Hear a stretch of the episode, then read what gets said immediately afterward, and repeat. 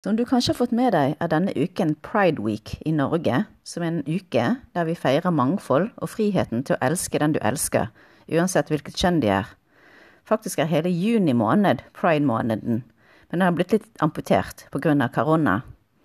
Homofili og andre seksuelle legninger er ofte tabu, temaer man ikke snakker så mye om i innvandrermiljøer. Men hva betyr det egentlig å være skeiv? Eller LHBTIQ pluss? Som noen ganger brukes som forkortelse for lesbisk, homofil, bifil, trans, interkjønn og queer. Altså det er Q-en. Og så er det pluss fordi at det er også andre seksuelle legninger. Men vi i MIR tenker at det er et viktig tema å snakke om, for vi ser at man som forelder i Norge må være åpent for at kanskje barnet ditt kan være i denne målgruppen. Og det er viktig å håndtere det på en god måte for at vi ikke skal miste barna våre. Det er ikke et valg de har, men det er faktisk den de er. Hvis man som foreldre ikke kan elske barna som de er, kan det ha store konsekvenser når de blir voksne.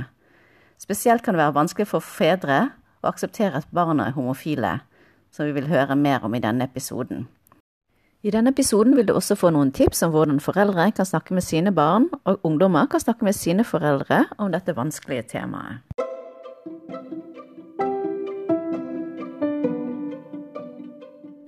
Velkommen til Multikulti familiepod. Denne podkasten er laget av organisasjonen Multikulturelt initiativ- og ressursnettverk, forkortet til MIR. Multikulti familiepod skal handle om familiens rolle i Norge. Med et multikulturelt skråblikk vil vi ta for oss temaer fra forskjellige vinkler og gi deg tips om hva du kan gjøre for at ditt barn skal få et godt liv. Men alle barn er forskjellige, så du må selv velge den beste metoden. Det er det som er utfordringen med å være forelder i dagens samfunn. I dagens episode av Multikulti familiepod skal vi intervjue daglig leder av Skeiv verden i Oslo og Viken, Steven Adom. Vi skal høre litt om hva organisasjonen hans gjør, og hvordan han fant ut at han var skeiv. Det er ingen lett prosess, og det er ikke tilfeldig at denne gruppen er overrepresentert i statistikken av de som gjør selvmord. Velkommen, Steven. Vil du fortelle litt om deg selv og din organisasjon? Eh, jeg heter Steven Adam eh, og er daglig leder i Skeiv verden Oslo Viken. Det er det største lokallaget i Skeiv verden. Eh, og Skeiv verden er en organisasjon for skeive, eller LHBT pluss-personer med minoritetsbakgrunn. Og det gjelder da alle ulike etniske eller religiøse minoriteter. Da. Og vi jobber da med for å forbedre levekårene for målgruppen gjennom eh, å skape sosiale møteplasser og kompetansehevende kurs. Og ja, eh, det er en frivillig organisasjon, da, så vi har en del frivillige også jobber med frivillighet. Dere har også tilbud til familier, til de som er skeive? Eh, altså det er jo I hovedsak så, så, er det jo møteplasser til de som er i målgruppen, altså de som er skeive. Eh, men vi har jo også veiledningstilbud som er til til de som kommer til, som bruker våre tilbud og møteplassene våre. Og det går jo også til deres familier igjen, da. Så vi får jo kontakt fra, fra minoritetsrådgivere på videregående skoler og eh, familier som kanskje har eh, spørsmål angående det med LHBT, eller med familiemedlem som er skeiv, og sånne ting. Så bra at dere finnes. Det er sikkert mange ungdommer og voksne som lurer på sin seksuelle identitet. Kan du si litt om hvordan din prosess var da du fant ut at du var skeiv? Uh, for meg så uh, Det tok en, li en, liten stund. da. Jeg, har jo sett på det som at jeg kom ut ganske sent, men uh, innsett at det kanskje ikke var så veldig sent. Jeg, jeg kom jo liksom ordentlig ut da jeg var 20, men jeg visste jo at jeg var uh, skeiv veldig annerledes når jeg var rundt 14. Um, så, så begynte jeg liksom å skjønne det eller se liksom hint og sånt. Jeg er jo mer eller mindre sånn helt homofil, men uh, har sånn noen sånn bi-tendenser av og til, så det var litt forvirrende for meg. For jeg var sånn OK, jeg har jo likt jenter, men nå liker jeg, eller hovedsakelig liker jeg gutter. Uh, så det var jo litt sånn forvirrende. Så veldig, en stund så var jeg litt sånn usikker på om det bare var en fase, eller om, om jeg egentlig var homo, eller var jeg helt bi, eller alt det der. Så det var en liten sånn prosess, da. Men uh, jeg var 14, og så etter jeg begynte, bli, etter jeg begynte på videregående, jeg var litt 16, så, så ble det liksom mer og mer tydelig, da. Um, og så kom jeg ut til moren min første gangen jeg var 16. Jeg kom ut flere ganger til henne uh, fordi uh, jeg ble møtt med en slags Hun var sånn Ja, OK, jeg hører det du sier, men, men det, kanskje det går over? Eller det går kanskje over, da. Virker, liksom, da var jeg jo ganske usikker, da, første gang jeg kom ut. Så, så, hun var sånn Ja, men det går kanskje over, eller det går sikkert over. Så, så jeg tenkte liksom OK, det gjør vel det. Og så fortsatt gikk ut årene, og så endret det seg på en måte ikke, da. Så, så kom jeg ut igjen, jeg var 18 eller noe sånt. 18-19. Og da ble jeg på en måte møtt med det samme. Og så kom jeg ut siste gangen eh, eh når jeg var sånn 22 eller noe sånt. Og da, da var jeg sånn OK, da tror jeg, Nå tror jeg at jeg er ganske sikker på at det, det blir, da. Eh, sånn um, eh, men eh, ja. Og så hadde jeg kommet ut til, kom til vennene mine Eh, faktisk eh, sånn når jeg var 20-ish, så kom jeg ut ordentlig til vennene mine. Um, og det var jo litt sånn at jeg Bestevenninna mi var sånn, vi snakka om Vi var på butikken eller noe sånt, og så det vi snakka om om en eller annen, vet ikke om det var en kjendis eller en annen som var, som var skeiv. Og så sa jeg litt sånn spøk, litt sånn, litt sånn, som en spøk, så var jeg sånn Hva hvis jeg var skeiv, da? Eller jeg var homo? Så hun var sånn OK, det, det, det hadde vært greit, det, I guess. Men, uh, men det er jo ikke det. Så jeg var sånn Jo, men da er jeg det, da, sa jeg. da er jeg det. Hun var sånn Hæ? Så hun skjønte ingenting. Og så jeg var sånn Hun bare OK. Så jeg bare Ja, OK, men da, da har vi sagt Da har jeg sagt det. Og så dagen etter så, en, så fikk jeg en melding var sånn Ja, apropos i går, var, sånn, var det en spøk, eller var det seriøst, eller hva var greia? Um, og så forklarte jeg liksom ja, det, det var seriøst, og så ble det litt mer utdypning, da. Um, ja. Um, ja, så det var jo sånn at uh, hun var uh, Hun, hun, hun bestevenninna hun var jo sammen med en god venn av meg som jeg også ble kjent med før jeg ble sammen med en venn med henne. Eh, og, og hadde, de hadde selvfølgelig snakket om det her. Så noen dager senere igjen så, så møttes vi jo, og så sto vi litt sånn utenfor og venta. Det var en kompis som skulle klippe seg, så vi sto utenfor og venta. Og så Jeg vet ikke om du har sett serien Skam, men i sesong tre så så er det jo sånn at uh, det er Isak som er hovedkarakter som er homo, og så er det en scene hvor han kommer ut til bestekompisen sin, og de sitter liksom ute og så spiser kebab eller noe sånt. Og jeg følte Det, var, det meg veldig veldig om da jeg kom ut til den kompisen. da Vi bare sto utenfor og bare venta liksom uh, og var ved Sofienberg eller noe sånt. Og så, og så sa jeg bare sånn der Ja, han bare Ja, jeg nevnte liksom Jeg nevnte det, og er det sant? Og jeg bare sånn ja, jo, det, det er sant, det er greia. Og så han bare sånn, han virket veldig sånn, han ikke tro på meg, han trodde jeg var tulla. Så han var sånn nei, jeg tror du bare tuller, jeg tror du bare spøker, du tuller jo alltid. Og jeg var sånn nei, jeg er seriøs. så, men ja, men det, det, gikk overraskende bra, da. Men hadde ikke du hatt noen jentekjæreste? Du var jo tross alt over 20 år når du var helt sikker. Eh, ja, altså jeg hadde jo liksom ikke noen offentlig, ordentlig, ordentlig kjæreste, faktisk. Jeg hadde liksom eh, vært med liksom jenter eh, litt sånn kanskje sånn to-tre ganger og sagt liksom Selvfølgelig hadde jeg liksom spøkt og sagt at jeg hadde, jeg hadde kjæreste og sånt på et punkt, og, men hun gikk på en annen skole eller noe sånt. uh, så det var liksom Men det var aldri noe uh, ordentlig kjæreste, nei. Ikke egentlig. Men ja, nei, nei, det var ikke det. Stevens foreldre er begge fra Nigeria, men han er født i Norge.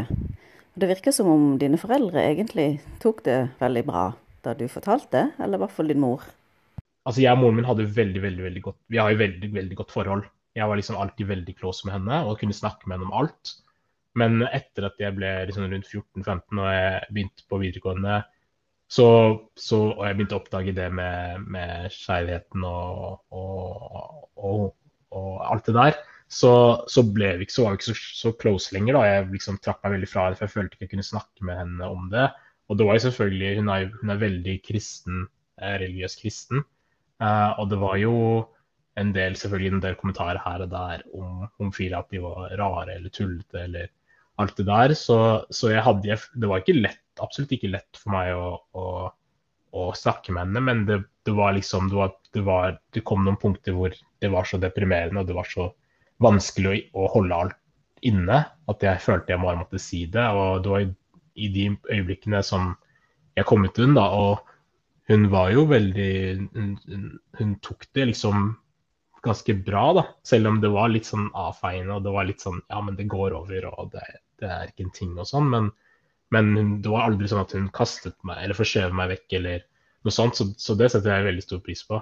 Um, men nå er hun jo kjempestøtt, nå støtter hun meg kjempemye og er, er har blitt med på pride og alt sammen, så hun er jo veldig Hun støtter meg veldig, og det er sånn, hun har alltid sagt at, at barna hennes er liksom det viktigste. Uansett hva, så er liksom det er det viktigste, at de har det bra. og Det har hun alltid liksom stått ved. da, så, så jeg er veldig heldig på den fronten. Men det er jo det er en helt annen sak med faren min, da. Det er det ikke helt det samme, da. Så det var ikke så lett å komme ut overfor din far? Ja, altså han eh, Vel, for det første så, så den siste gangen Eller jeg fikk jeg har, jeg har, en kjæreste nå som jeg fikk for tre, nesten fire år siden. Og jeg, da jeg snakket med bistand til mamma, og de møttes og sånt, og hun var jo veldig glad og alt det, så tenkte jeg sånn OK, men burde ikke Jeg har jo liksom aldri snakka med pappa om det her. Liksom, det har aldri vært en, vi har aldri snakket om det i det hele tatt. Jeg pleier egentlig Vi har ikke sånn veldig tett forhold i det hele tatt, egentlig. Um, så, så, det var ikke noe jeg hadde snakket om. Og jeg hadde jo antatt at mamma og pappa hadde snakket om det her på et punkt, men uh, det viste seg at de aldri har snakket om det. Um, og det var, dette var sånn typ, Da var jeg sånn type 24-25, uh, og, og, det var veldig overraskende for meg, for jeg var sånn OK, men nå skal jeg snakke med pappa om det her, og jeg antok at de hadde snakket om det her, uh, om, om, meg før, og hun var sånn Nei, jeg har ikke nevnt det, aldri nevnt det. Jeg var sånn Hæ?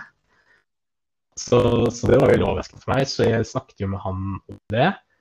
Um, dette var sånn typ ett år etter at jeg og kjæresten min ble sammen.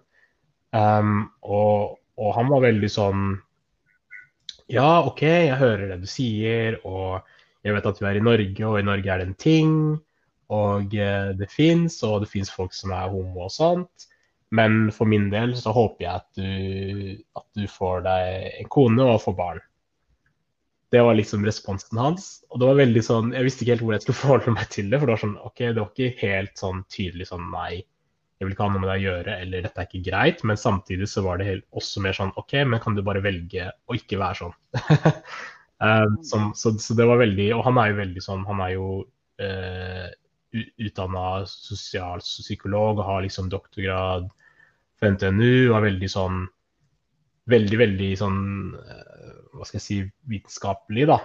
Så, så han har liksom aldri vist altså Selvfølgelig han har slengt noen kommentarer her og der og skeive at de er litt sånn skrullete og sånne ting, men han, han er jo først og fremst altså han, han, han, har, han har jo aldri vært liksom sagt, slengt noe dritt eller vært, vært eh, eh, imot eller frekke eller slem mot skeive eller noe sånt. Da, liksom når det er andre folk men jeg føler liksom med en gang det ble hans egen sønn, så, han, så, hadde han liksom andre tanker. Og jeg tror det spiller på en slags hvordan det ser ut ut av de miljøet, det nigerianske miljøet og alt det der med profilering og alt det der. Jeg tror det er det som Tanken var mer sånn hvordan det ser ut fra andre, og ikke nødvendigvis i familien mellom meg og han. Fordi det, på den, det nivået så tror jeg ikke han det var sånn veldig big deal, egentlig. Det var liksom det sånn jeg tolket det, da. Mm. Det var interessant at din far tok det slik, spesielt når han er utdannet sosialpsykolog fra Norge til og med. At man på et vis kan tenke rasjonelt på eksistensen av skeive mennesker, men når det blir personlig, er det ikke så lett. Jeg tror, vil tro han sikkert har studert det i sitt pensum for å bli psykolog, så han har et vitenskapelig blikk på det. Men at til og med han sliter med å anerkjenne det, det gjør det kanskje enda vanskeligere for vanlige foreldre uten den utdanningen. Det er derfor det er så viktig at man kan normalisere det med feiringer som Pride Week. Tenker du at det er vanskelig å stå frem som homofil når du har innvandrerbakgrunn enn for helnorske? Ja, altså Det er jo jeg vil si hovedsak ja. Eh, men ikke nødvendigvis bare av de eh, stereotypiske, stereotypiske, eller de typiske grunnene man skal tenke. Altså Selvfølgelig er det jo det hele det med kultur. altså For min del så var det jo også det med kultur. at eh, Pappa sa jo liksom det fins ikke Nigeria, det er ikke en ting. Det, det, det fins ikke skeive der, det er ikke en ting. Um, og det er en veldig vanlig tankegang, uh, i hvert fall i afrikanske miljø, eller i, liksom fra amerikanske land, da. Uh, afrikanske land, at man tenker, uh, tenker sånn. Og jeg tror også når det kommer til religion, så er det også uh, veldig store ja, strider der med, med det med, med, kjønn og seksualitet og alt det der.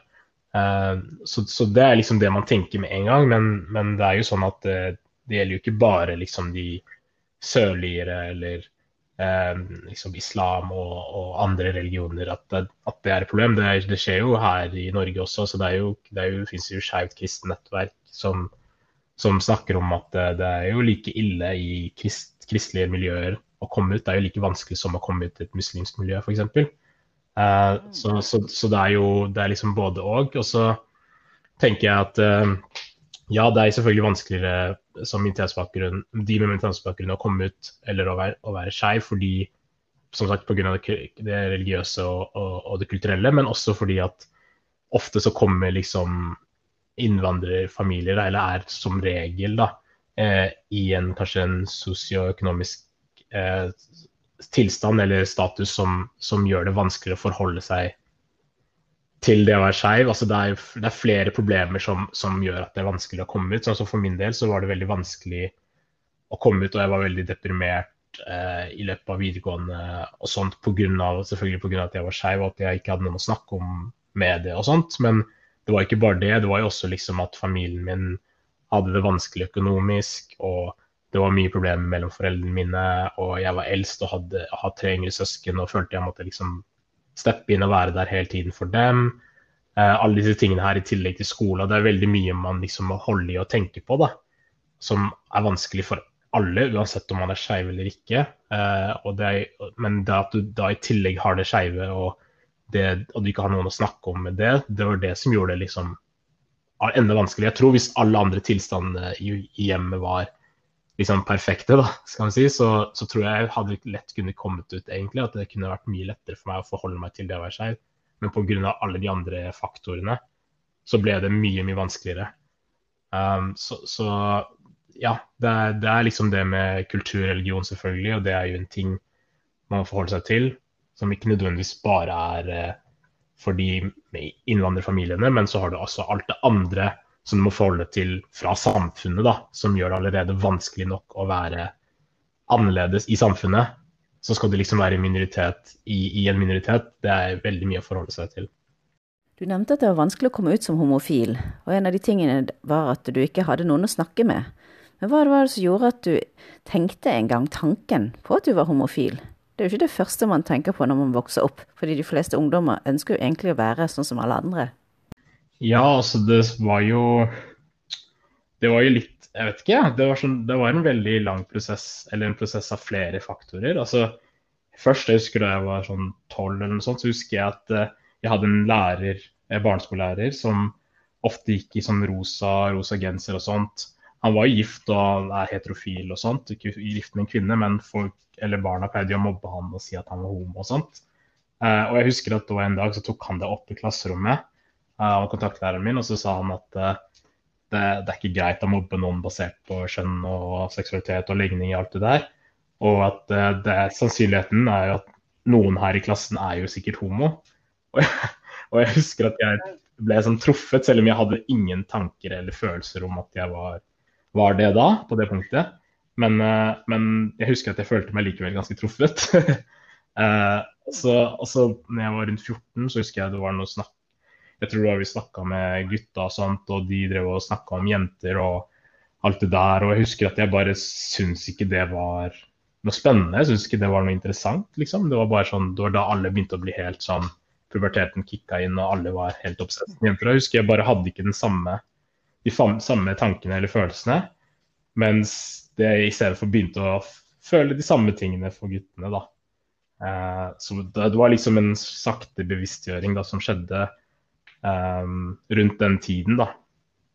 Eh, og for å liksom eh, vite mer om det, så var jeg liksom Det startet jo med, liksom, med å tørre å på måte, søke på nett, søke på Google, liksom gay eller noe sånt, og se hva som kommer opp, og se liksom hva er det her egentlig, hva betyr det? Og så etter hvert så ble det fra det så mot videregående så ble det å se på eh, skeive filmer, lese artikler, um, sånne ting. Uh, det ble liksom å bare finne ut hva det betydde, og hva det betydde for meg. Uh, som, som, ledet meg til å liksom innse det. da. Så det var veldig mye liksom, refleksjon og veldig mye uh, research da, um, som, som, fikk meg dit. Ja. Men det, det, som er viktigst for meg nå, og det som på en måte har gjort at jeg ble helt komfortabel i det og på en måte fant på en måte, min, e egen, min, egen, identitet eller svar, var jo det at det, det, med representasjon, da, som er veldig viktig. og at selv om ja, jeg, liksom, Det var veldig vanskelig for meg å akseptere meg selv fordi at alle, alle skeive jeg så, alt jeg så om homofile og alt det der, var som regel hvite, hvite menn, da. Homofile menn. Eh, det var liksom veldig sånn typisk stereotypiske det man ser. Jeg så liksom Homsepatruljen og Queer as Folk og liksom alle disse seriene. Og jeg følte, jeg følte, ikke at jeg identifiserte meg med dem i det hele tatt. Så jeg var sånn, det var veldig vanskelig for meg å tro at jeg var homo, fordi jeg så ikke ut som dem. Og jeg virket ikke som dem. Så jeg var sånn, hvordan kan jeg være homo? Jeg er jo ikke som dem. Jeg har ikke samme personlighet. Jeg har ikke samme utseende. Liksom, det, er, det er ingenting som samsvarer. Uh, så, så, det hjalp veldig når jeg endelig greide å finne noe, uh, noe representasjon. Og jeg fant liksom serier eller filmer eller bøker som handlet om skeive svarte, eller skeive med, med, en annen etnisk bakgrunn. da. Det var det som virkelig satte sånn OK, nå, nå føler jeg at, liksom, at jeg eksisterer, at det er ikke bare meg. det er ikke bare at jeg er veldig rar, men at det fins flere der ute, da. Hvis du skulle gi tips til foreldre om, de, som vil snakke med barna om dette temaet, hva ville du sagt til dem? Um, til foreldrene uh, så tenker jeg at det viktigste er jo å liksom anerkjenne det. At man liksom ikke avfeier det, eller uh, At man liksom gir rom, gir rom til det, da. Um, det tror jeg er veldig viktig. Og så er det uh, veldig viktig å ikke tvinge dem ut. altså Selv om du har en følelse eller en anelse om at de, om at de kanskje er skeive, eller, ja, eller at du har funnet noe hint eller et eller annet, så er det viktig at man liksom ikke nødvendigvis bare tvinger dem fram. At man gi rom ved at man kanskje har en åpen dialog i hjemmet. Jeg vet at det kan være veldig vanskelig for, for noen, men at det er liksom F.eks. nå som det er pride, så, så, tar man liksom opp den tematikken. At man liksom nevner at kanskje man har en kollega som er skeiv, og det er helt greit. Eller at uh, å, det er så fint at det er pride med regnbuene, og det er fint at uh, Norge er mangfoldig, og Oslo er mangfoldig, og at vi har så mange forskjellige mennesker, og det er greit og fint. At man bare ikke nødvendigvis snakker direkte med barnet sine som dette her er skjønn og dette er seksualitet og slik er det, men at man har liksom som en norm eller som kultur at man at disse, disse, disse temaene er lov å snakke om. da, fordi Veldig ofte blir det sånn at man ikke tør eller kan snakke med det med familien. Og Da er det jo enda vanskeligere å komme ut. Så, så jeg syns det er veldig viktig at man, hvis de først kommer ut og vil, eh, vil, vil snakke om det, da, så, så, så, gir man dem rom til det. Og så har vi selvfølgelig organisasjoner som oss i Skeiv Verden, og så eh, FRI og andre organisasjoner, eh, Skeiv Ungdom osv., eh, som, som tilbyr da, selvfølgelig råd. Og, så det er jo bare å kontakte oss også hvis du ikke vet, har liksom null peiling på hvordan, eh, ja, hva du skal gjøre. Det var en lang prosess for deg å komme ut. Og for de som vil eh, snakke med foreldrene sine dette temaet, har du noen tips til ungdommer som, eh, om hva de kan gjøre? Altså, det var jo også som sagt, Jeg hadde jo visst da jeg sa det, så hadde jeg jo visst i to, nesten tre år før jeg først sa det. Så det tok jo veldig lang tid å på en måte bli Det er liksom Man må på en måte komme ut til seg selv først. da Man må først anerkjenne at det er en ting. fordi veldig mange er jo benektelse og vil ikke. Og man blir kanskje sittende der i flere år, og kanskje man aldri kommer ut av den delen. Så bare det å innse det selv er jo en hel prosess, at man aksepterer det. Um, for så å bli trygg på det, og så da klare å åpne det opp for noen andre. Det er jo noe man sitter på i flere år, så man blir jo liksom Det er jo noe som er veldig sårt, så man er jo veldig redd for at man skal bli skjøtta ned.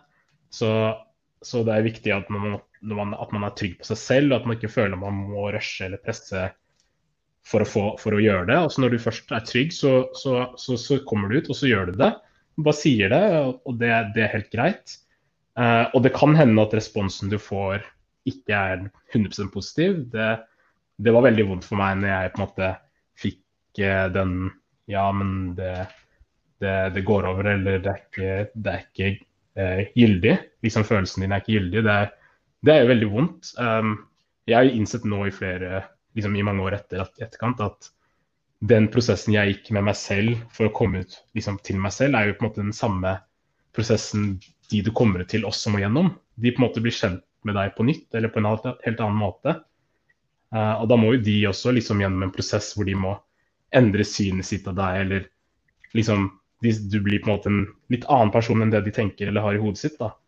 Akkurat sånn som man gjør når man kommer til seg selv. Så det er også veldig viktig å på en måte gi rommet til, til den du kommer til også. At kanskje responsen ikke er 100 positiv med en gang, men så lenge de er villige til å lære og villig til å liksom prøve, da. Det er liksom det viktigste. Hva syns du om skolenes arbeid når det gjelder skeive? Syns du at de gjør en god nok jobb? Ja, nei, altså Jeg tenker at det absolutt kunne vært mye flinkere. Um, I hvert fall når jeg gikk på skolen, så da var det jo da var det ingenting. Altså det var, det var, det var liksom en, et avsnitt i et kapittel om kjønn og, og seksualitet, liksom. Om puberteten. Det, that's it. Liksom, du bare fikk vite at det, Og så finnes det homofile, og det var det. Uh, og det var, det var, jo liksom Det ga meg ingenting. Uh, så det, jeg syns absolutt har blitt mye bedre nå, da. Vi har jo uh, de organisasjonene som går til skolen og underviser om alt det her. sånn som Vi har jo Rosa kompetanse, og så har vi Restart som går til barne- og ungdomsskoler og holder liksom innlegg om, om, alt det her. Så det har jo blitt mye, mye bedre, syns jeg. jeg, jeg har, vi har jo samarbeidet Skeiv har jo samarbeidet med med Restart, som er skoleprosjektet til Skeiv Ungdom, med å gå til skoler og holde eh, kurs om kjønn og seksualitet. Og jeg, jeg var jo på, faktisk på min egen ungdomsskole i fjor og, og holdt det kurset. Og det var, det var, helt utrolig å se hvor ivrige folk var etter å spørre spørsmål, og hvordan Selvfølgelig er det alltid rart å snakke liksom om, om sex og sånne ting, men, men eh, det var liksom Det var overraskende hvor åpne alle er, og hvor mye folk kunne, hvor mye barna kunne. da, og hvor, hvor, at det var ganske åpent. og Det var ikke i nærheten hvordan det var for meg da jeg eh, gikk på barneskolen. Så jeg syns det absolutt har blitt mye mye bedre, men at det er rom til, til enda mer. da, At det, det, burde være en del av Ikke at det bare er et kurs som kanskje noen, noen skoler får en gang i året, men at det er mer integrert i pensum, da, eh, syns jeg det burde være. Det er mange typer seksualitet, og disse bokstavene i LHBTIQ viser et stort mangfold. Jeg leste et sted at bifile sliter mye, for de får ikke anerkjennelse. Det er jo, altså det er jo Bifile er jo de som liker eh, ett eller flere kjønn. Altså kanskje i et binær tankegang så både jenter og gutter. Og de blir, får jo veldig mye, mye flekk fra homofile og, og lesber fordi at man kanskje sånn stereotypisk så kan det være virke som en person som bare ikke klarer å bestemme seg, eller som ikke vil innrømme for seg selv at de bare er homo eller bare er streit. Um, så, så, det har jo vært det den derre be-erasure, da, hvor man på en måte ikke har dem med ofte i debatten eller ikke tar dem seriøst. Det er absolutt en ting. Mm. Hvordan kan man jobbe for at de får det bedre? For jeg har hørt at uh, selvmordsstatistikken viser at uh, de gjør oftere selvmord enn andre skeive. Ja, jeg tror iallfall at det er bi- og eller transpersoner som, som gjør det. Uh, og jeg tror at det er Altså jeg ser jo jeg, i sånn Rent teoretisk så hadde jeg jo vært kvalifisert som en bifil fordi bifil person, fordi jeg, jeg, jeg, jeg ser jo på det som en slags skala da, fra streit til homo, hvor man ikke nødvendigvis er helt på ene enden, eller helt på andre enden, eller i midten. Altså homofile kan være kanskje sånn ha en kanskje si 95% homo, og så har man 5 eh, sjanse for å like eh, motsatte kjønn også. Eller at man er bifil. Det betyr ikke nødvendigvis at man liker gutter og jenter like mye. Eller man kan være streit 95 av tida, men det er liksom den 3% eller 5% hvor du kunne vært med samme kjønn. Så, så, for min del så ser jeg på meg selv som 95% homo, men 5 eh, bi. Altså at jeg kunne vært med en kvinne, men det, det, skulle, det, er, liksom, det er, veldig veldig sjeldent at, at, det hadde skjedd eller skulle skje. da. Um, så at man ser på det med en litt sånn ikke superbinært, men at man ser på det som at det er en, liksom, det er en litt mer flyt. da. Akkurat som man begynte å se litt mer på skjønn. At det er, det er en flyt, og det er ikke nødvendigvis bare det ene eller det andre, men at, man, at alle har aspekter. Det finnes selvfølgelig folk som er 100 det ene og 100 det andre, og det skal man ikke se bort ifra. Det må man jo anerkjenne også, men at jeg tror også at en større del av samfunnet kanskje ikke nødvendigvis er bare på ene eller andre enden, da, men at kanskje flere er, ligger litt sånn rundt omkring da, på, på den skalaen. Ja, for jeg har også noen venninner som sier at de forelsker seg i personen, uavhengig av kjønn. Så, men de definerer seg heller ikke som bifile, kanskje fordi det, det blir litt sånn stigmatisert. Og det er jo, det er jo flere, og liksom, det er jo LHBTIQA pluss, det, det, er jo mange ting. Og i den plussen så er det jo panfile, f.eks., som er de som er tiltrukket til, til personlighet. Altså det er ikke noe å si hvilket kjønn det er, men det er mer sånn hvordan personen er. Det er jo også en ting. Så det er jo, det er jo, det er jo masse i den der, det spekteret at man ja, at ikke det bare er Og det er jo som sagt, man har jo liksom I kjønn så har man jo liksom gutt og jente, og så har man jo transpersoner. Så kan det være noen som er, som er et annet kjønn enn det de har blitt gitt ved fødsel. Og så har man ikke-binære som føler at de ikke er, er i noen av kjønnene konstant. Og så har man liksom den flyten gender fluid, hvor det er folk som føler at noen ganger så er man litt mer jente, og noen ganger er man litt mer gutt. Så det er liksom det er flere, det er, det er, en, det er større bilde her, da. Eh, eh, at man kan, at, og at, at, tiltrekkelse ikke nødvendigvis er bare knyttet helt direkte opp mot, mot et skjønn, da. Nødvendigvis. Jeg har jobbet i skolen og har diskutert med kollegaer om at det er kommet flere og flere saker med ungdommer som skifter kjønn. Er det en trend dere i Skeiv verden har observert, eller er det flere, bare flere som forteller om det? Det, det, vi ser, er kanskje en trend om, av at det er flere som tør å være åpne om hvordan de uttrykker kjønnet sitt. At det er flere som ikke føler at de bare er gutt eller bare er jente, eller at de Ja, det er liksom det er litt mer sånn flyt på det, da. Eh, det, det har vi sett i mye større grad. Og selvfølgelig det at det har blitt liksom mer åpent å kunne snakke om disse tingene, og at folk Det er ikke som om transpersoner ikke alltid har jo alltid vært der, det er kanskje bare at nå så er det endelig liksom litt mer rom, og man, har, man, gir dem rom til å kunne faktisk være ute da, og, og uttrykke seg selv. Så jeg tror ikke nødvendigvis at det er en plutselig økning av folk som vil bytte kjønnet sitt, det er bare at de har ikke turt det tidligere, og at de nå føler at de har rommet og kan tørre å gjøre det. Men uh, ja, vi, hos oss så er det mer bare det at hvordan selv jeg, hvordan jeg så på Jeg ser på meg selv som relativt ung, men uh, selv for ti år siden så var det ikke i nærheten sånn. Eh, sånn som jeg ser det her med ungdommene hos oss i dag, hvor liksom kjønn er bare en Det er ikke like binært, det er liksom mer flyt. Og man kan sånn OK, i dag vil jeg kle meg kjole, i dag vil jeg kle meg bukse. Og det er liksom ikke så seriøst. Og eh, det er Ja, det er liksom en større flyt, og det er, det er ikke så Det er ikke like, like seriøst, da. Eh, men det er jo én ting å, å uttrykke skjønnsuttrykk, og en annen ting er jo hvordan man føler kjønnsidentiteten sin er. Det er jo, det er forskjellig, og det er jo når det kommer til kjønnsidentitet, så har jeg ikke nødvendigvis sett at det er noen som Det er flere som, være, som, ble, som ble, ansett som gutt ved fødsel, som nå vil være en jente. Ikke, jeg føler ikke at det Jeg har i hvert fall ikke sett at det har vært en større økning på akkurat den fronten. Samfunnet utvikler seg mot større valgfrihet, og som ungdom har inntrykk av at eh, man hele tiden må skape seg sin identitet. Og med kjønn som alternativ har man jo enda flere valg.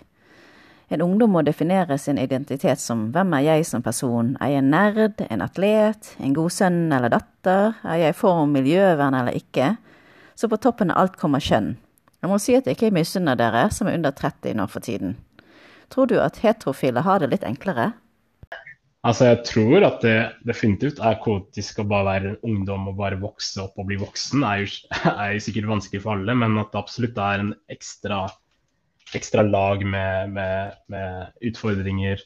Eh, det, er jo, det, er jo, bevist, det er jo vitenskapelig bevist at de som er på LHBT, i LHBT-spekteret, sliter jo mer med psykisk helse eller uhelse. Altså, de, de har mye mer vanskeligheter for å kunne uttrykke seg og kunne være åpne og kunne bare leve som ungdom. Jeg, jeg personlig følte jo ikke at jeg levd, fikk levd som et vanlig barn eller ungdom, ikke bare pga. kjønn, da, men, eller pga. Liksom, legning, men også pga. andre faktorer. Men likevel så følte jeg at jeg pga. den delen med legning at ikke jeg følte jeg kunne åpne med noen med familien, til familien min eller til vennene mine, gjorde at jeg aldri liksom følte jeg var helt meg selv. Jeg følte aldri at jeg kunne bare leke med vennene mine og sånt. Og alltid den baktanken sånn Oi, kan ikke de finne ut at jeg er homo? Eller Oi, jeg kan ikke snakke på den måten, jeg kan ikke bevege meg på den måten. Du har alltid den der i bakhodet hele tiden, uansett hva du gjør. Og det er, det er den stressen som sitter der hele tiden. Uh, så jeg tror absolutt at uh, det er kanskje lett, litt lettere hvis man faktisk er heterofil og aldri har hatt noen følelser eller tanker som, som strider imot det, så tror jeg absolutt at det er, det er enda en påkjenning hvis man, hvis som er på spekteret av LHBT. Man kan si mye om valgfrihet og hvor slitsomt det er. Men hvis du hadde vokst opp i Nigeria, måtte du kanskje bare brukt de fem prosentene av deg sjøl. Du måtte bare være den delen som er bifil, og gifte deg og få barn, kanskje. Det å undertrykke 95% av deg måtte vært skikkelig slitsomt. Det er veldig viktig at skeiv verden eksisterer, for det er et sted der du kan være helt deg sjøl, og ikke være stemplet for å være rar. Ja, absolutt. Det er jo, det er jo hele, liksom hele hovedtilbudet, eller hele, hele liksom hovedmålet, er jo til å skape en plass hvor man kan være fullt ut seg selv, når man da i alle andre arenaer av livet, i skole eller sin eget nærmiljø, kulturelle nærmiljø eller i familien, at du har ikke noe rom til å kunne være hele deg selv. Har ikke rom til å uttrykke deg selv slik du vil, enten det er legning eller skjønn. Så vi, skal jo vi være en plass hvor du kan komme, og det ikke er noe Der du ikke blir dømt, og hvor du kan snakke om alle de tankene og følelsene som du har. da. Det er jo det, er jo det vi, vi, er og vil, vil være til de som trenger det. Hvordan fungerer det helt eh, konkret med disse aktivitetene dere har? Ja, eh, vi har jo en del forskjellige sånn, sånn aktivitetsgrupper eller sosiale møteplasser. Vi har eh, eh vår hoved eh, liksom, møteplass, som er Skeiv kafé. Som er, eh, har vært hver torsdag frem til korona, så har det vært litt av og på. Men det har pleid å være hver torsdag, så møtes vi i kantina der hvor vi har ved kontorene våre, og så bare lager vi mat det er frivillige som lager mat, og som regel er det mat fra forskjellige steder i verden. Så de som er frivillige, bestemmer selv hva de vil lage, og så spiser vi alle sammen. Og da er vi som regel sånn rundt 20-30 stykker som bare kommer og snakker og koser oss. Og noen ganger er det quiz og litt forskjellig. Så det er vår hov hoved, uh, hovedmøteplass. Men så har vi også en ungdomsgruppe som er for de som er under, uh, under 25. Um, hvor de har også en møteplass annenhver uke, som er ikke helt som kafeen, men mer sånn med temakvelder hvor vi enten ser på film eller går på bowling, eller uh, har en temakveld hvor vi snakker om uh, tema knyttet til identitet, eller som er relevant til ungdommene, da, som de vil snakke om selv også. Uh, det er annenhver uke. og så har vi en annen gruppe som heter Folk, som er en gruppe for skeive kvinner, og ikke-binære eh, og transpersoner. Eh, som er en egen gruppe for dem, som er lik, veldig lik ungdomsgruppa, da, hvor de også møtes annenhver uke for å snakke om ting som, som de med, føler er interessant, og ha litt sånn temakvelder, og, eller bare gå ut og gjøre noe sosialt. da. Så det er liksom de hovedmøteplassene vi har, da, i tillegg til liksom andre fester og sånne ting da, som vi har et par ganger i året. Hvordan har det vært under korona? Har dere hatt aktiviteter da også? Vi har faktisk den siste ukene så har vi åpnet opp litt for å ha veldig begrensede, men åpne møteplasser. Så vi har hatt kafeen, Skei-kafé har f.eks. hatt i parken den siste måneden. Og ungdomsgruppene har jo også begynt å ha i parkene, da. Eh, så, så de, er, de, er, faktisk åpent fysisk, men det har jo vært digitalt. Men nå i, i juni så har vi begynt å åpne opp, da. Så alle kan bare gå inn på nettsiden deres og lese litt om hvilke aktiviteter, og bare komme og delta på aktivitetene. Tusen takk for at du kom og svarte så åpent og reflektert på mine spørsmål. Jeg har lært masse. Min bror er homofil, men det er vanskelig å snakke om disse tingene, så jeg tror egentlig aldri vi har snakket om det. Jeg får liksom ikke meg selv til å spørre. Jeg har ikke hatt noe problem med å akseptere det, da jeg er ganske åpen og nysgjerrig, men nok verre for mine foreldre, spesielt min far. Det er noe med disse mennene. Takk for at jeg fikk komme. Det var veldig, det var veldig interessant. Oppsummert, tenker jeg at det viktigste vi kan ta med oss fra denne episoden, at det ikke er en enkel prosess å komme ut og stå frem når man finner ut at man ikke er som alle andre. Steven brukte mange år på det. Det er ikke noe man velger fordi man har lyst, men fordi det er den man er. Og mange sliter psykisk og blir deprimert i den prosessen.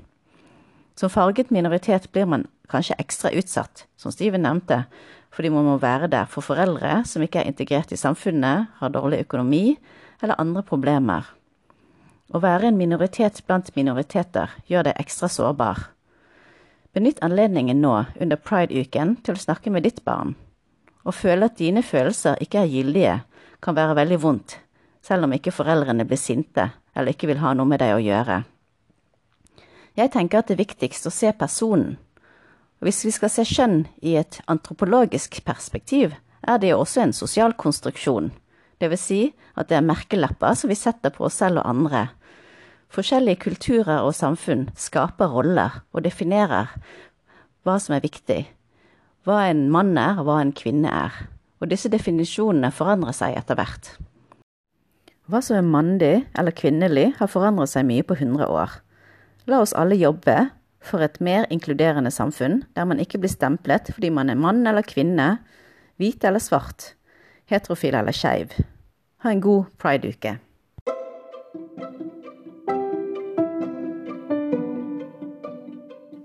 Tusen takk til alle våre lyttere.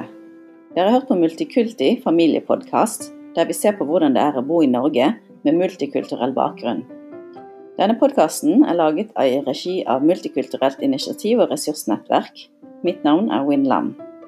Dere må gjerne abonnere på denne podkasten, så dere får direkte varsel hver gang det kommer en ny episode. Vi regner med at det kommer nye episoder annenhver uke, så tirsdager er dagen for nye episoder. Hvis du har temaer du ønsker å ta opp, kan du sende en melding til MIRs Facebook-side. Vi har også en gruppe der du kan stille spørsmål eller ta opp flere temaer. Begge heter Multikulturelt initiativ og ressursnettverk. Du kan også lese mer om MIR på MIRs nettside mirnett.org.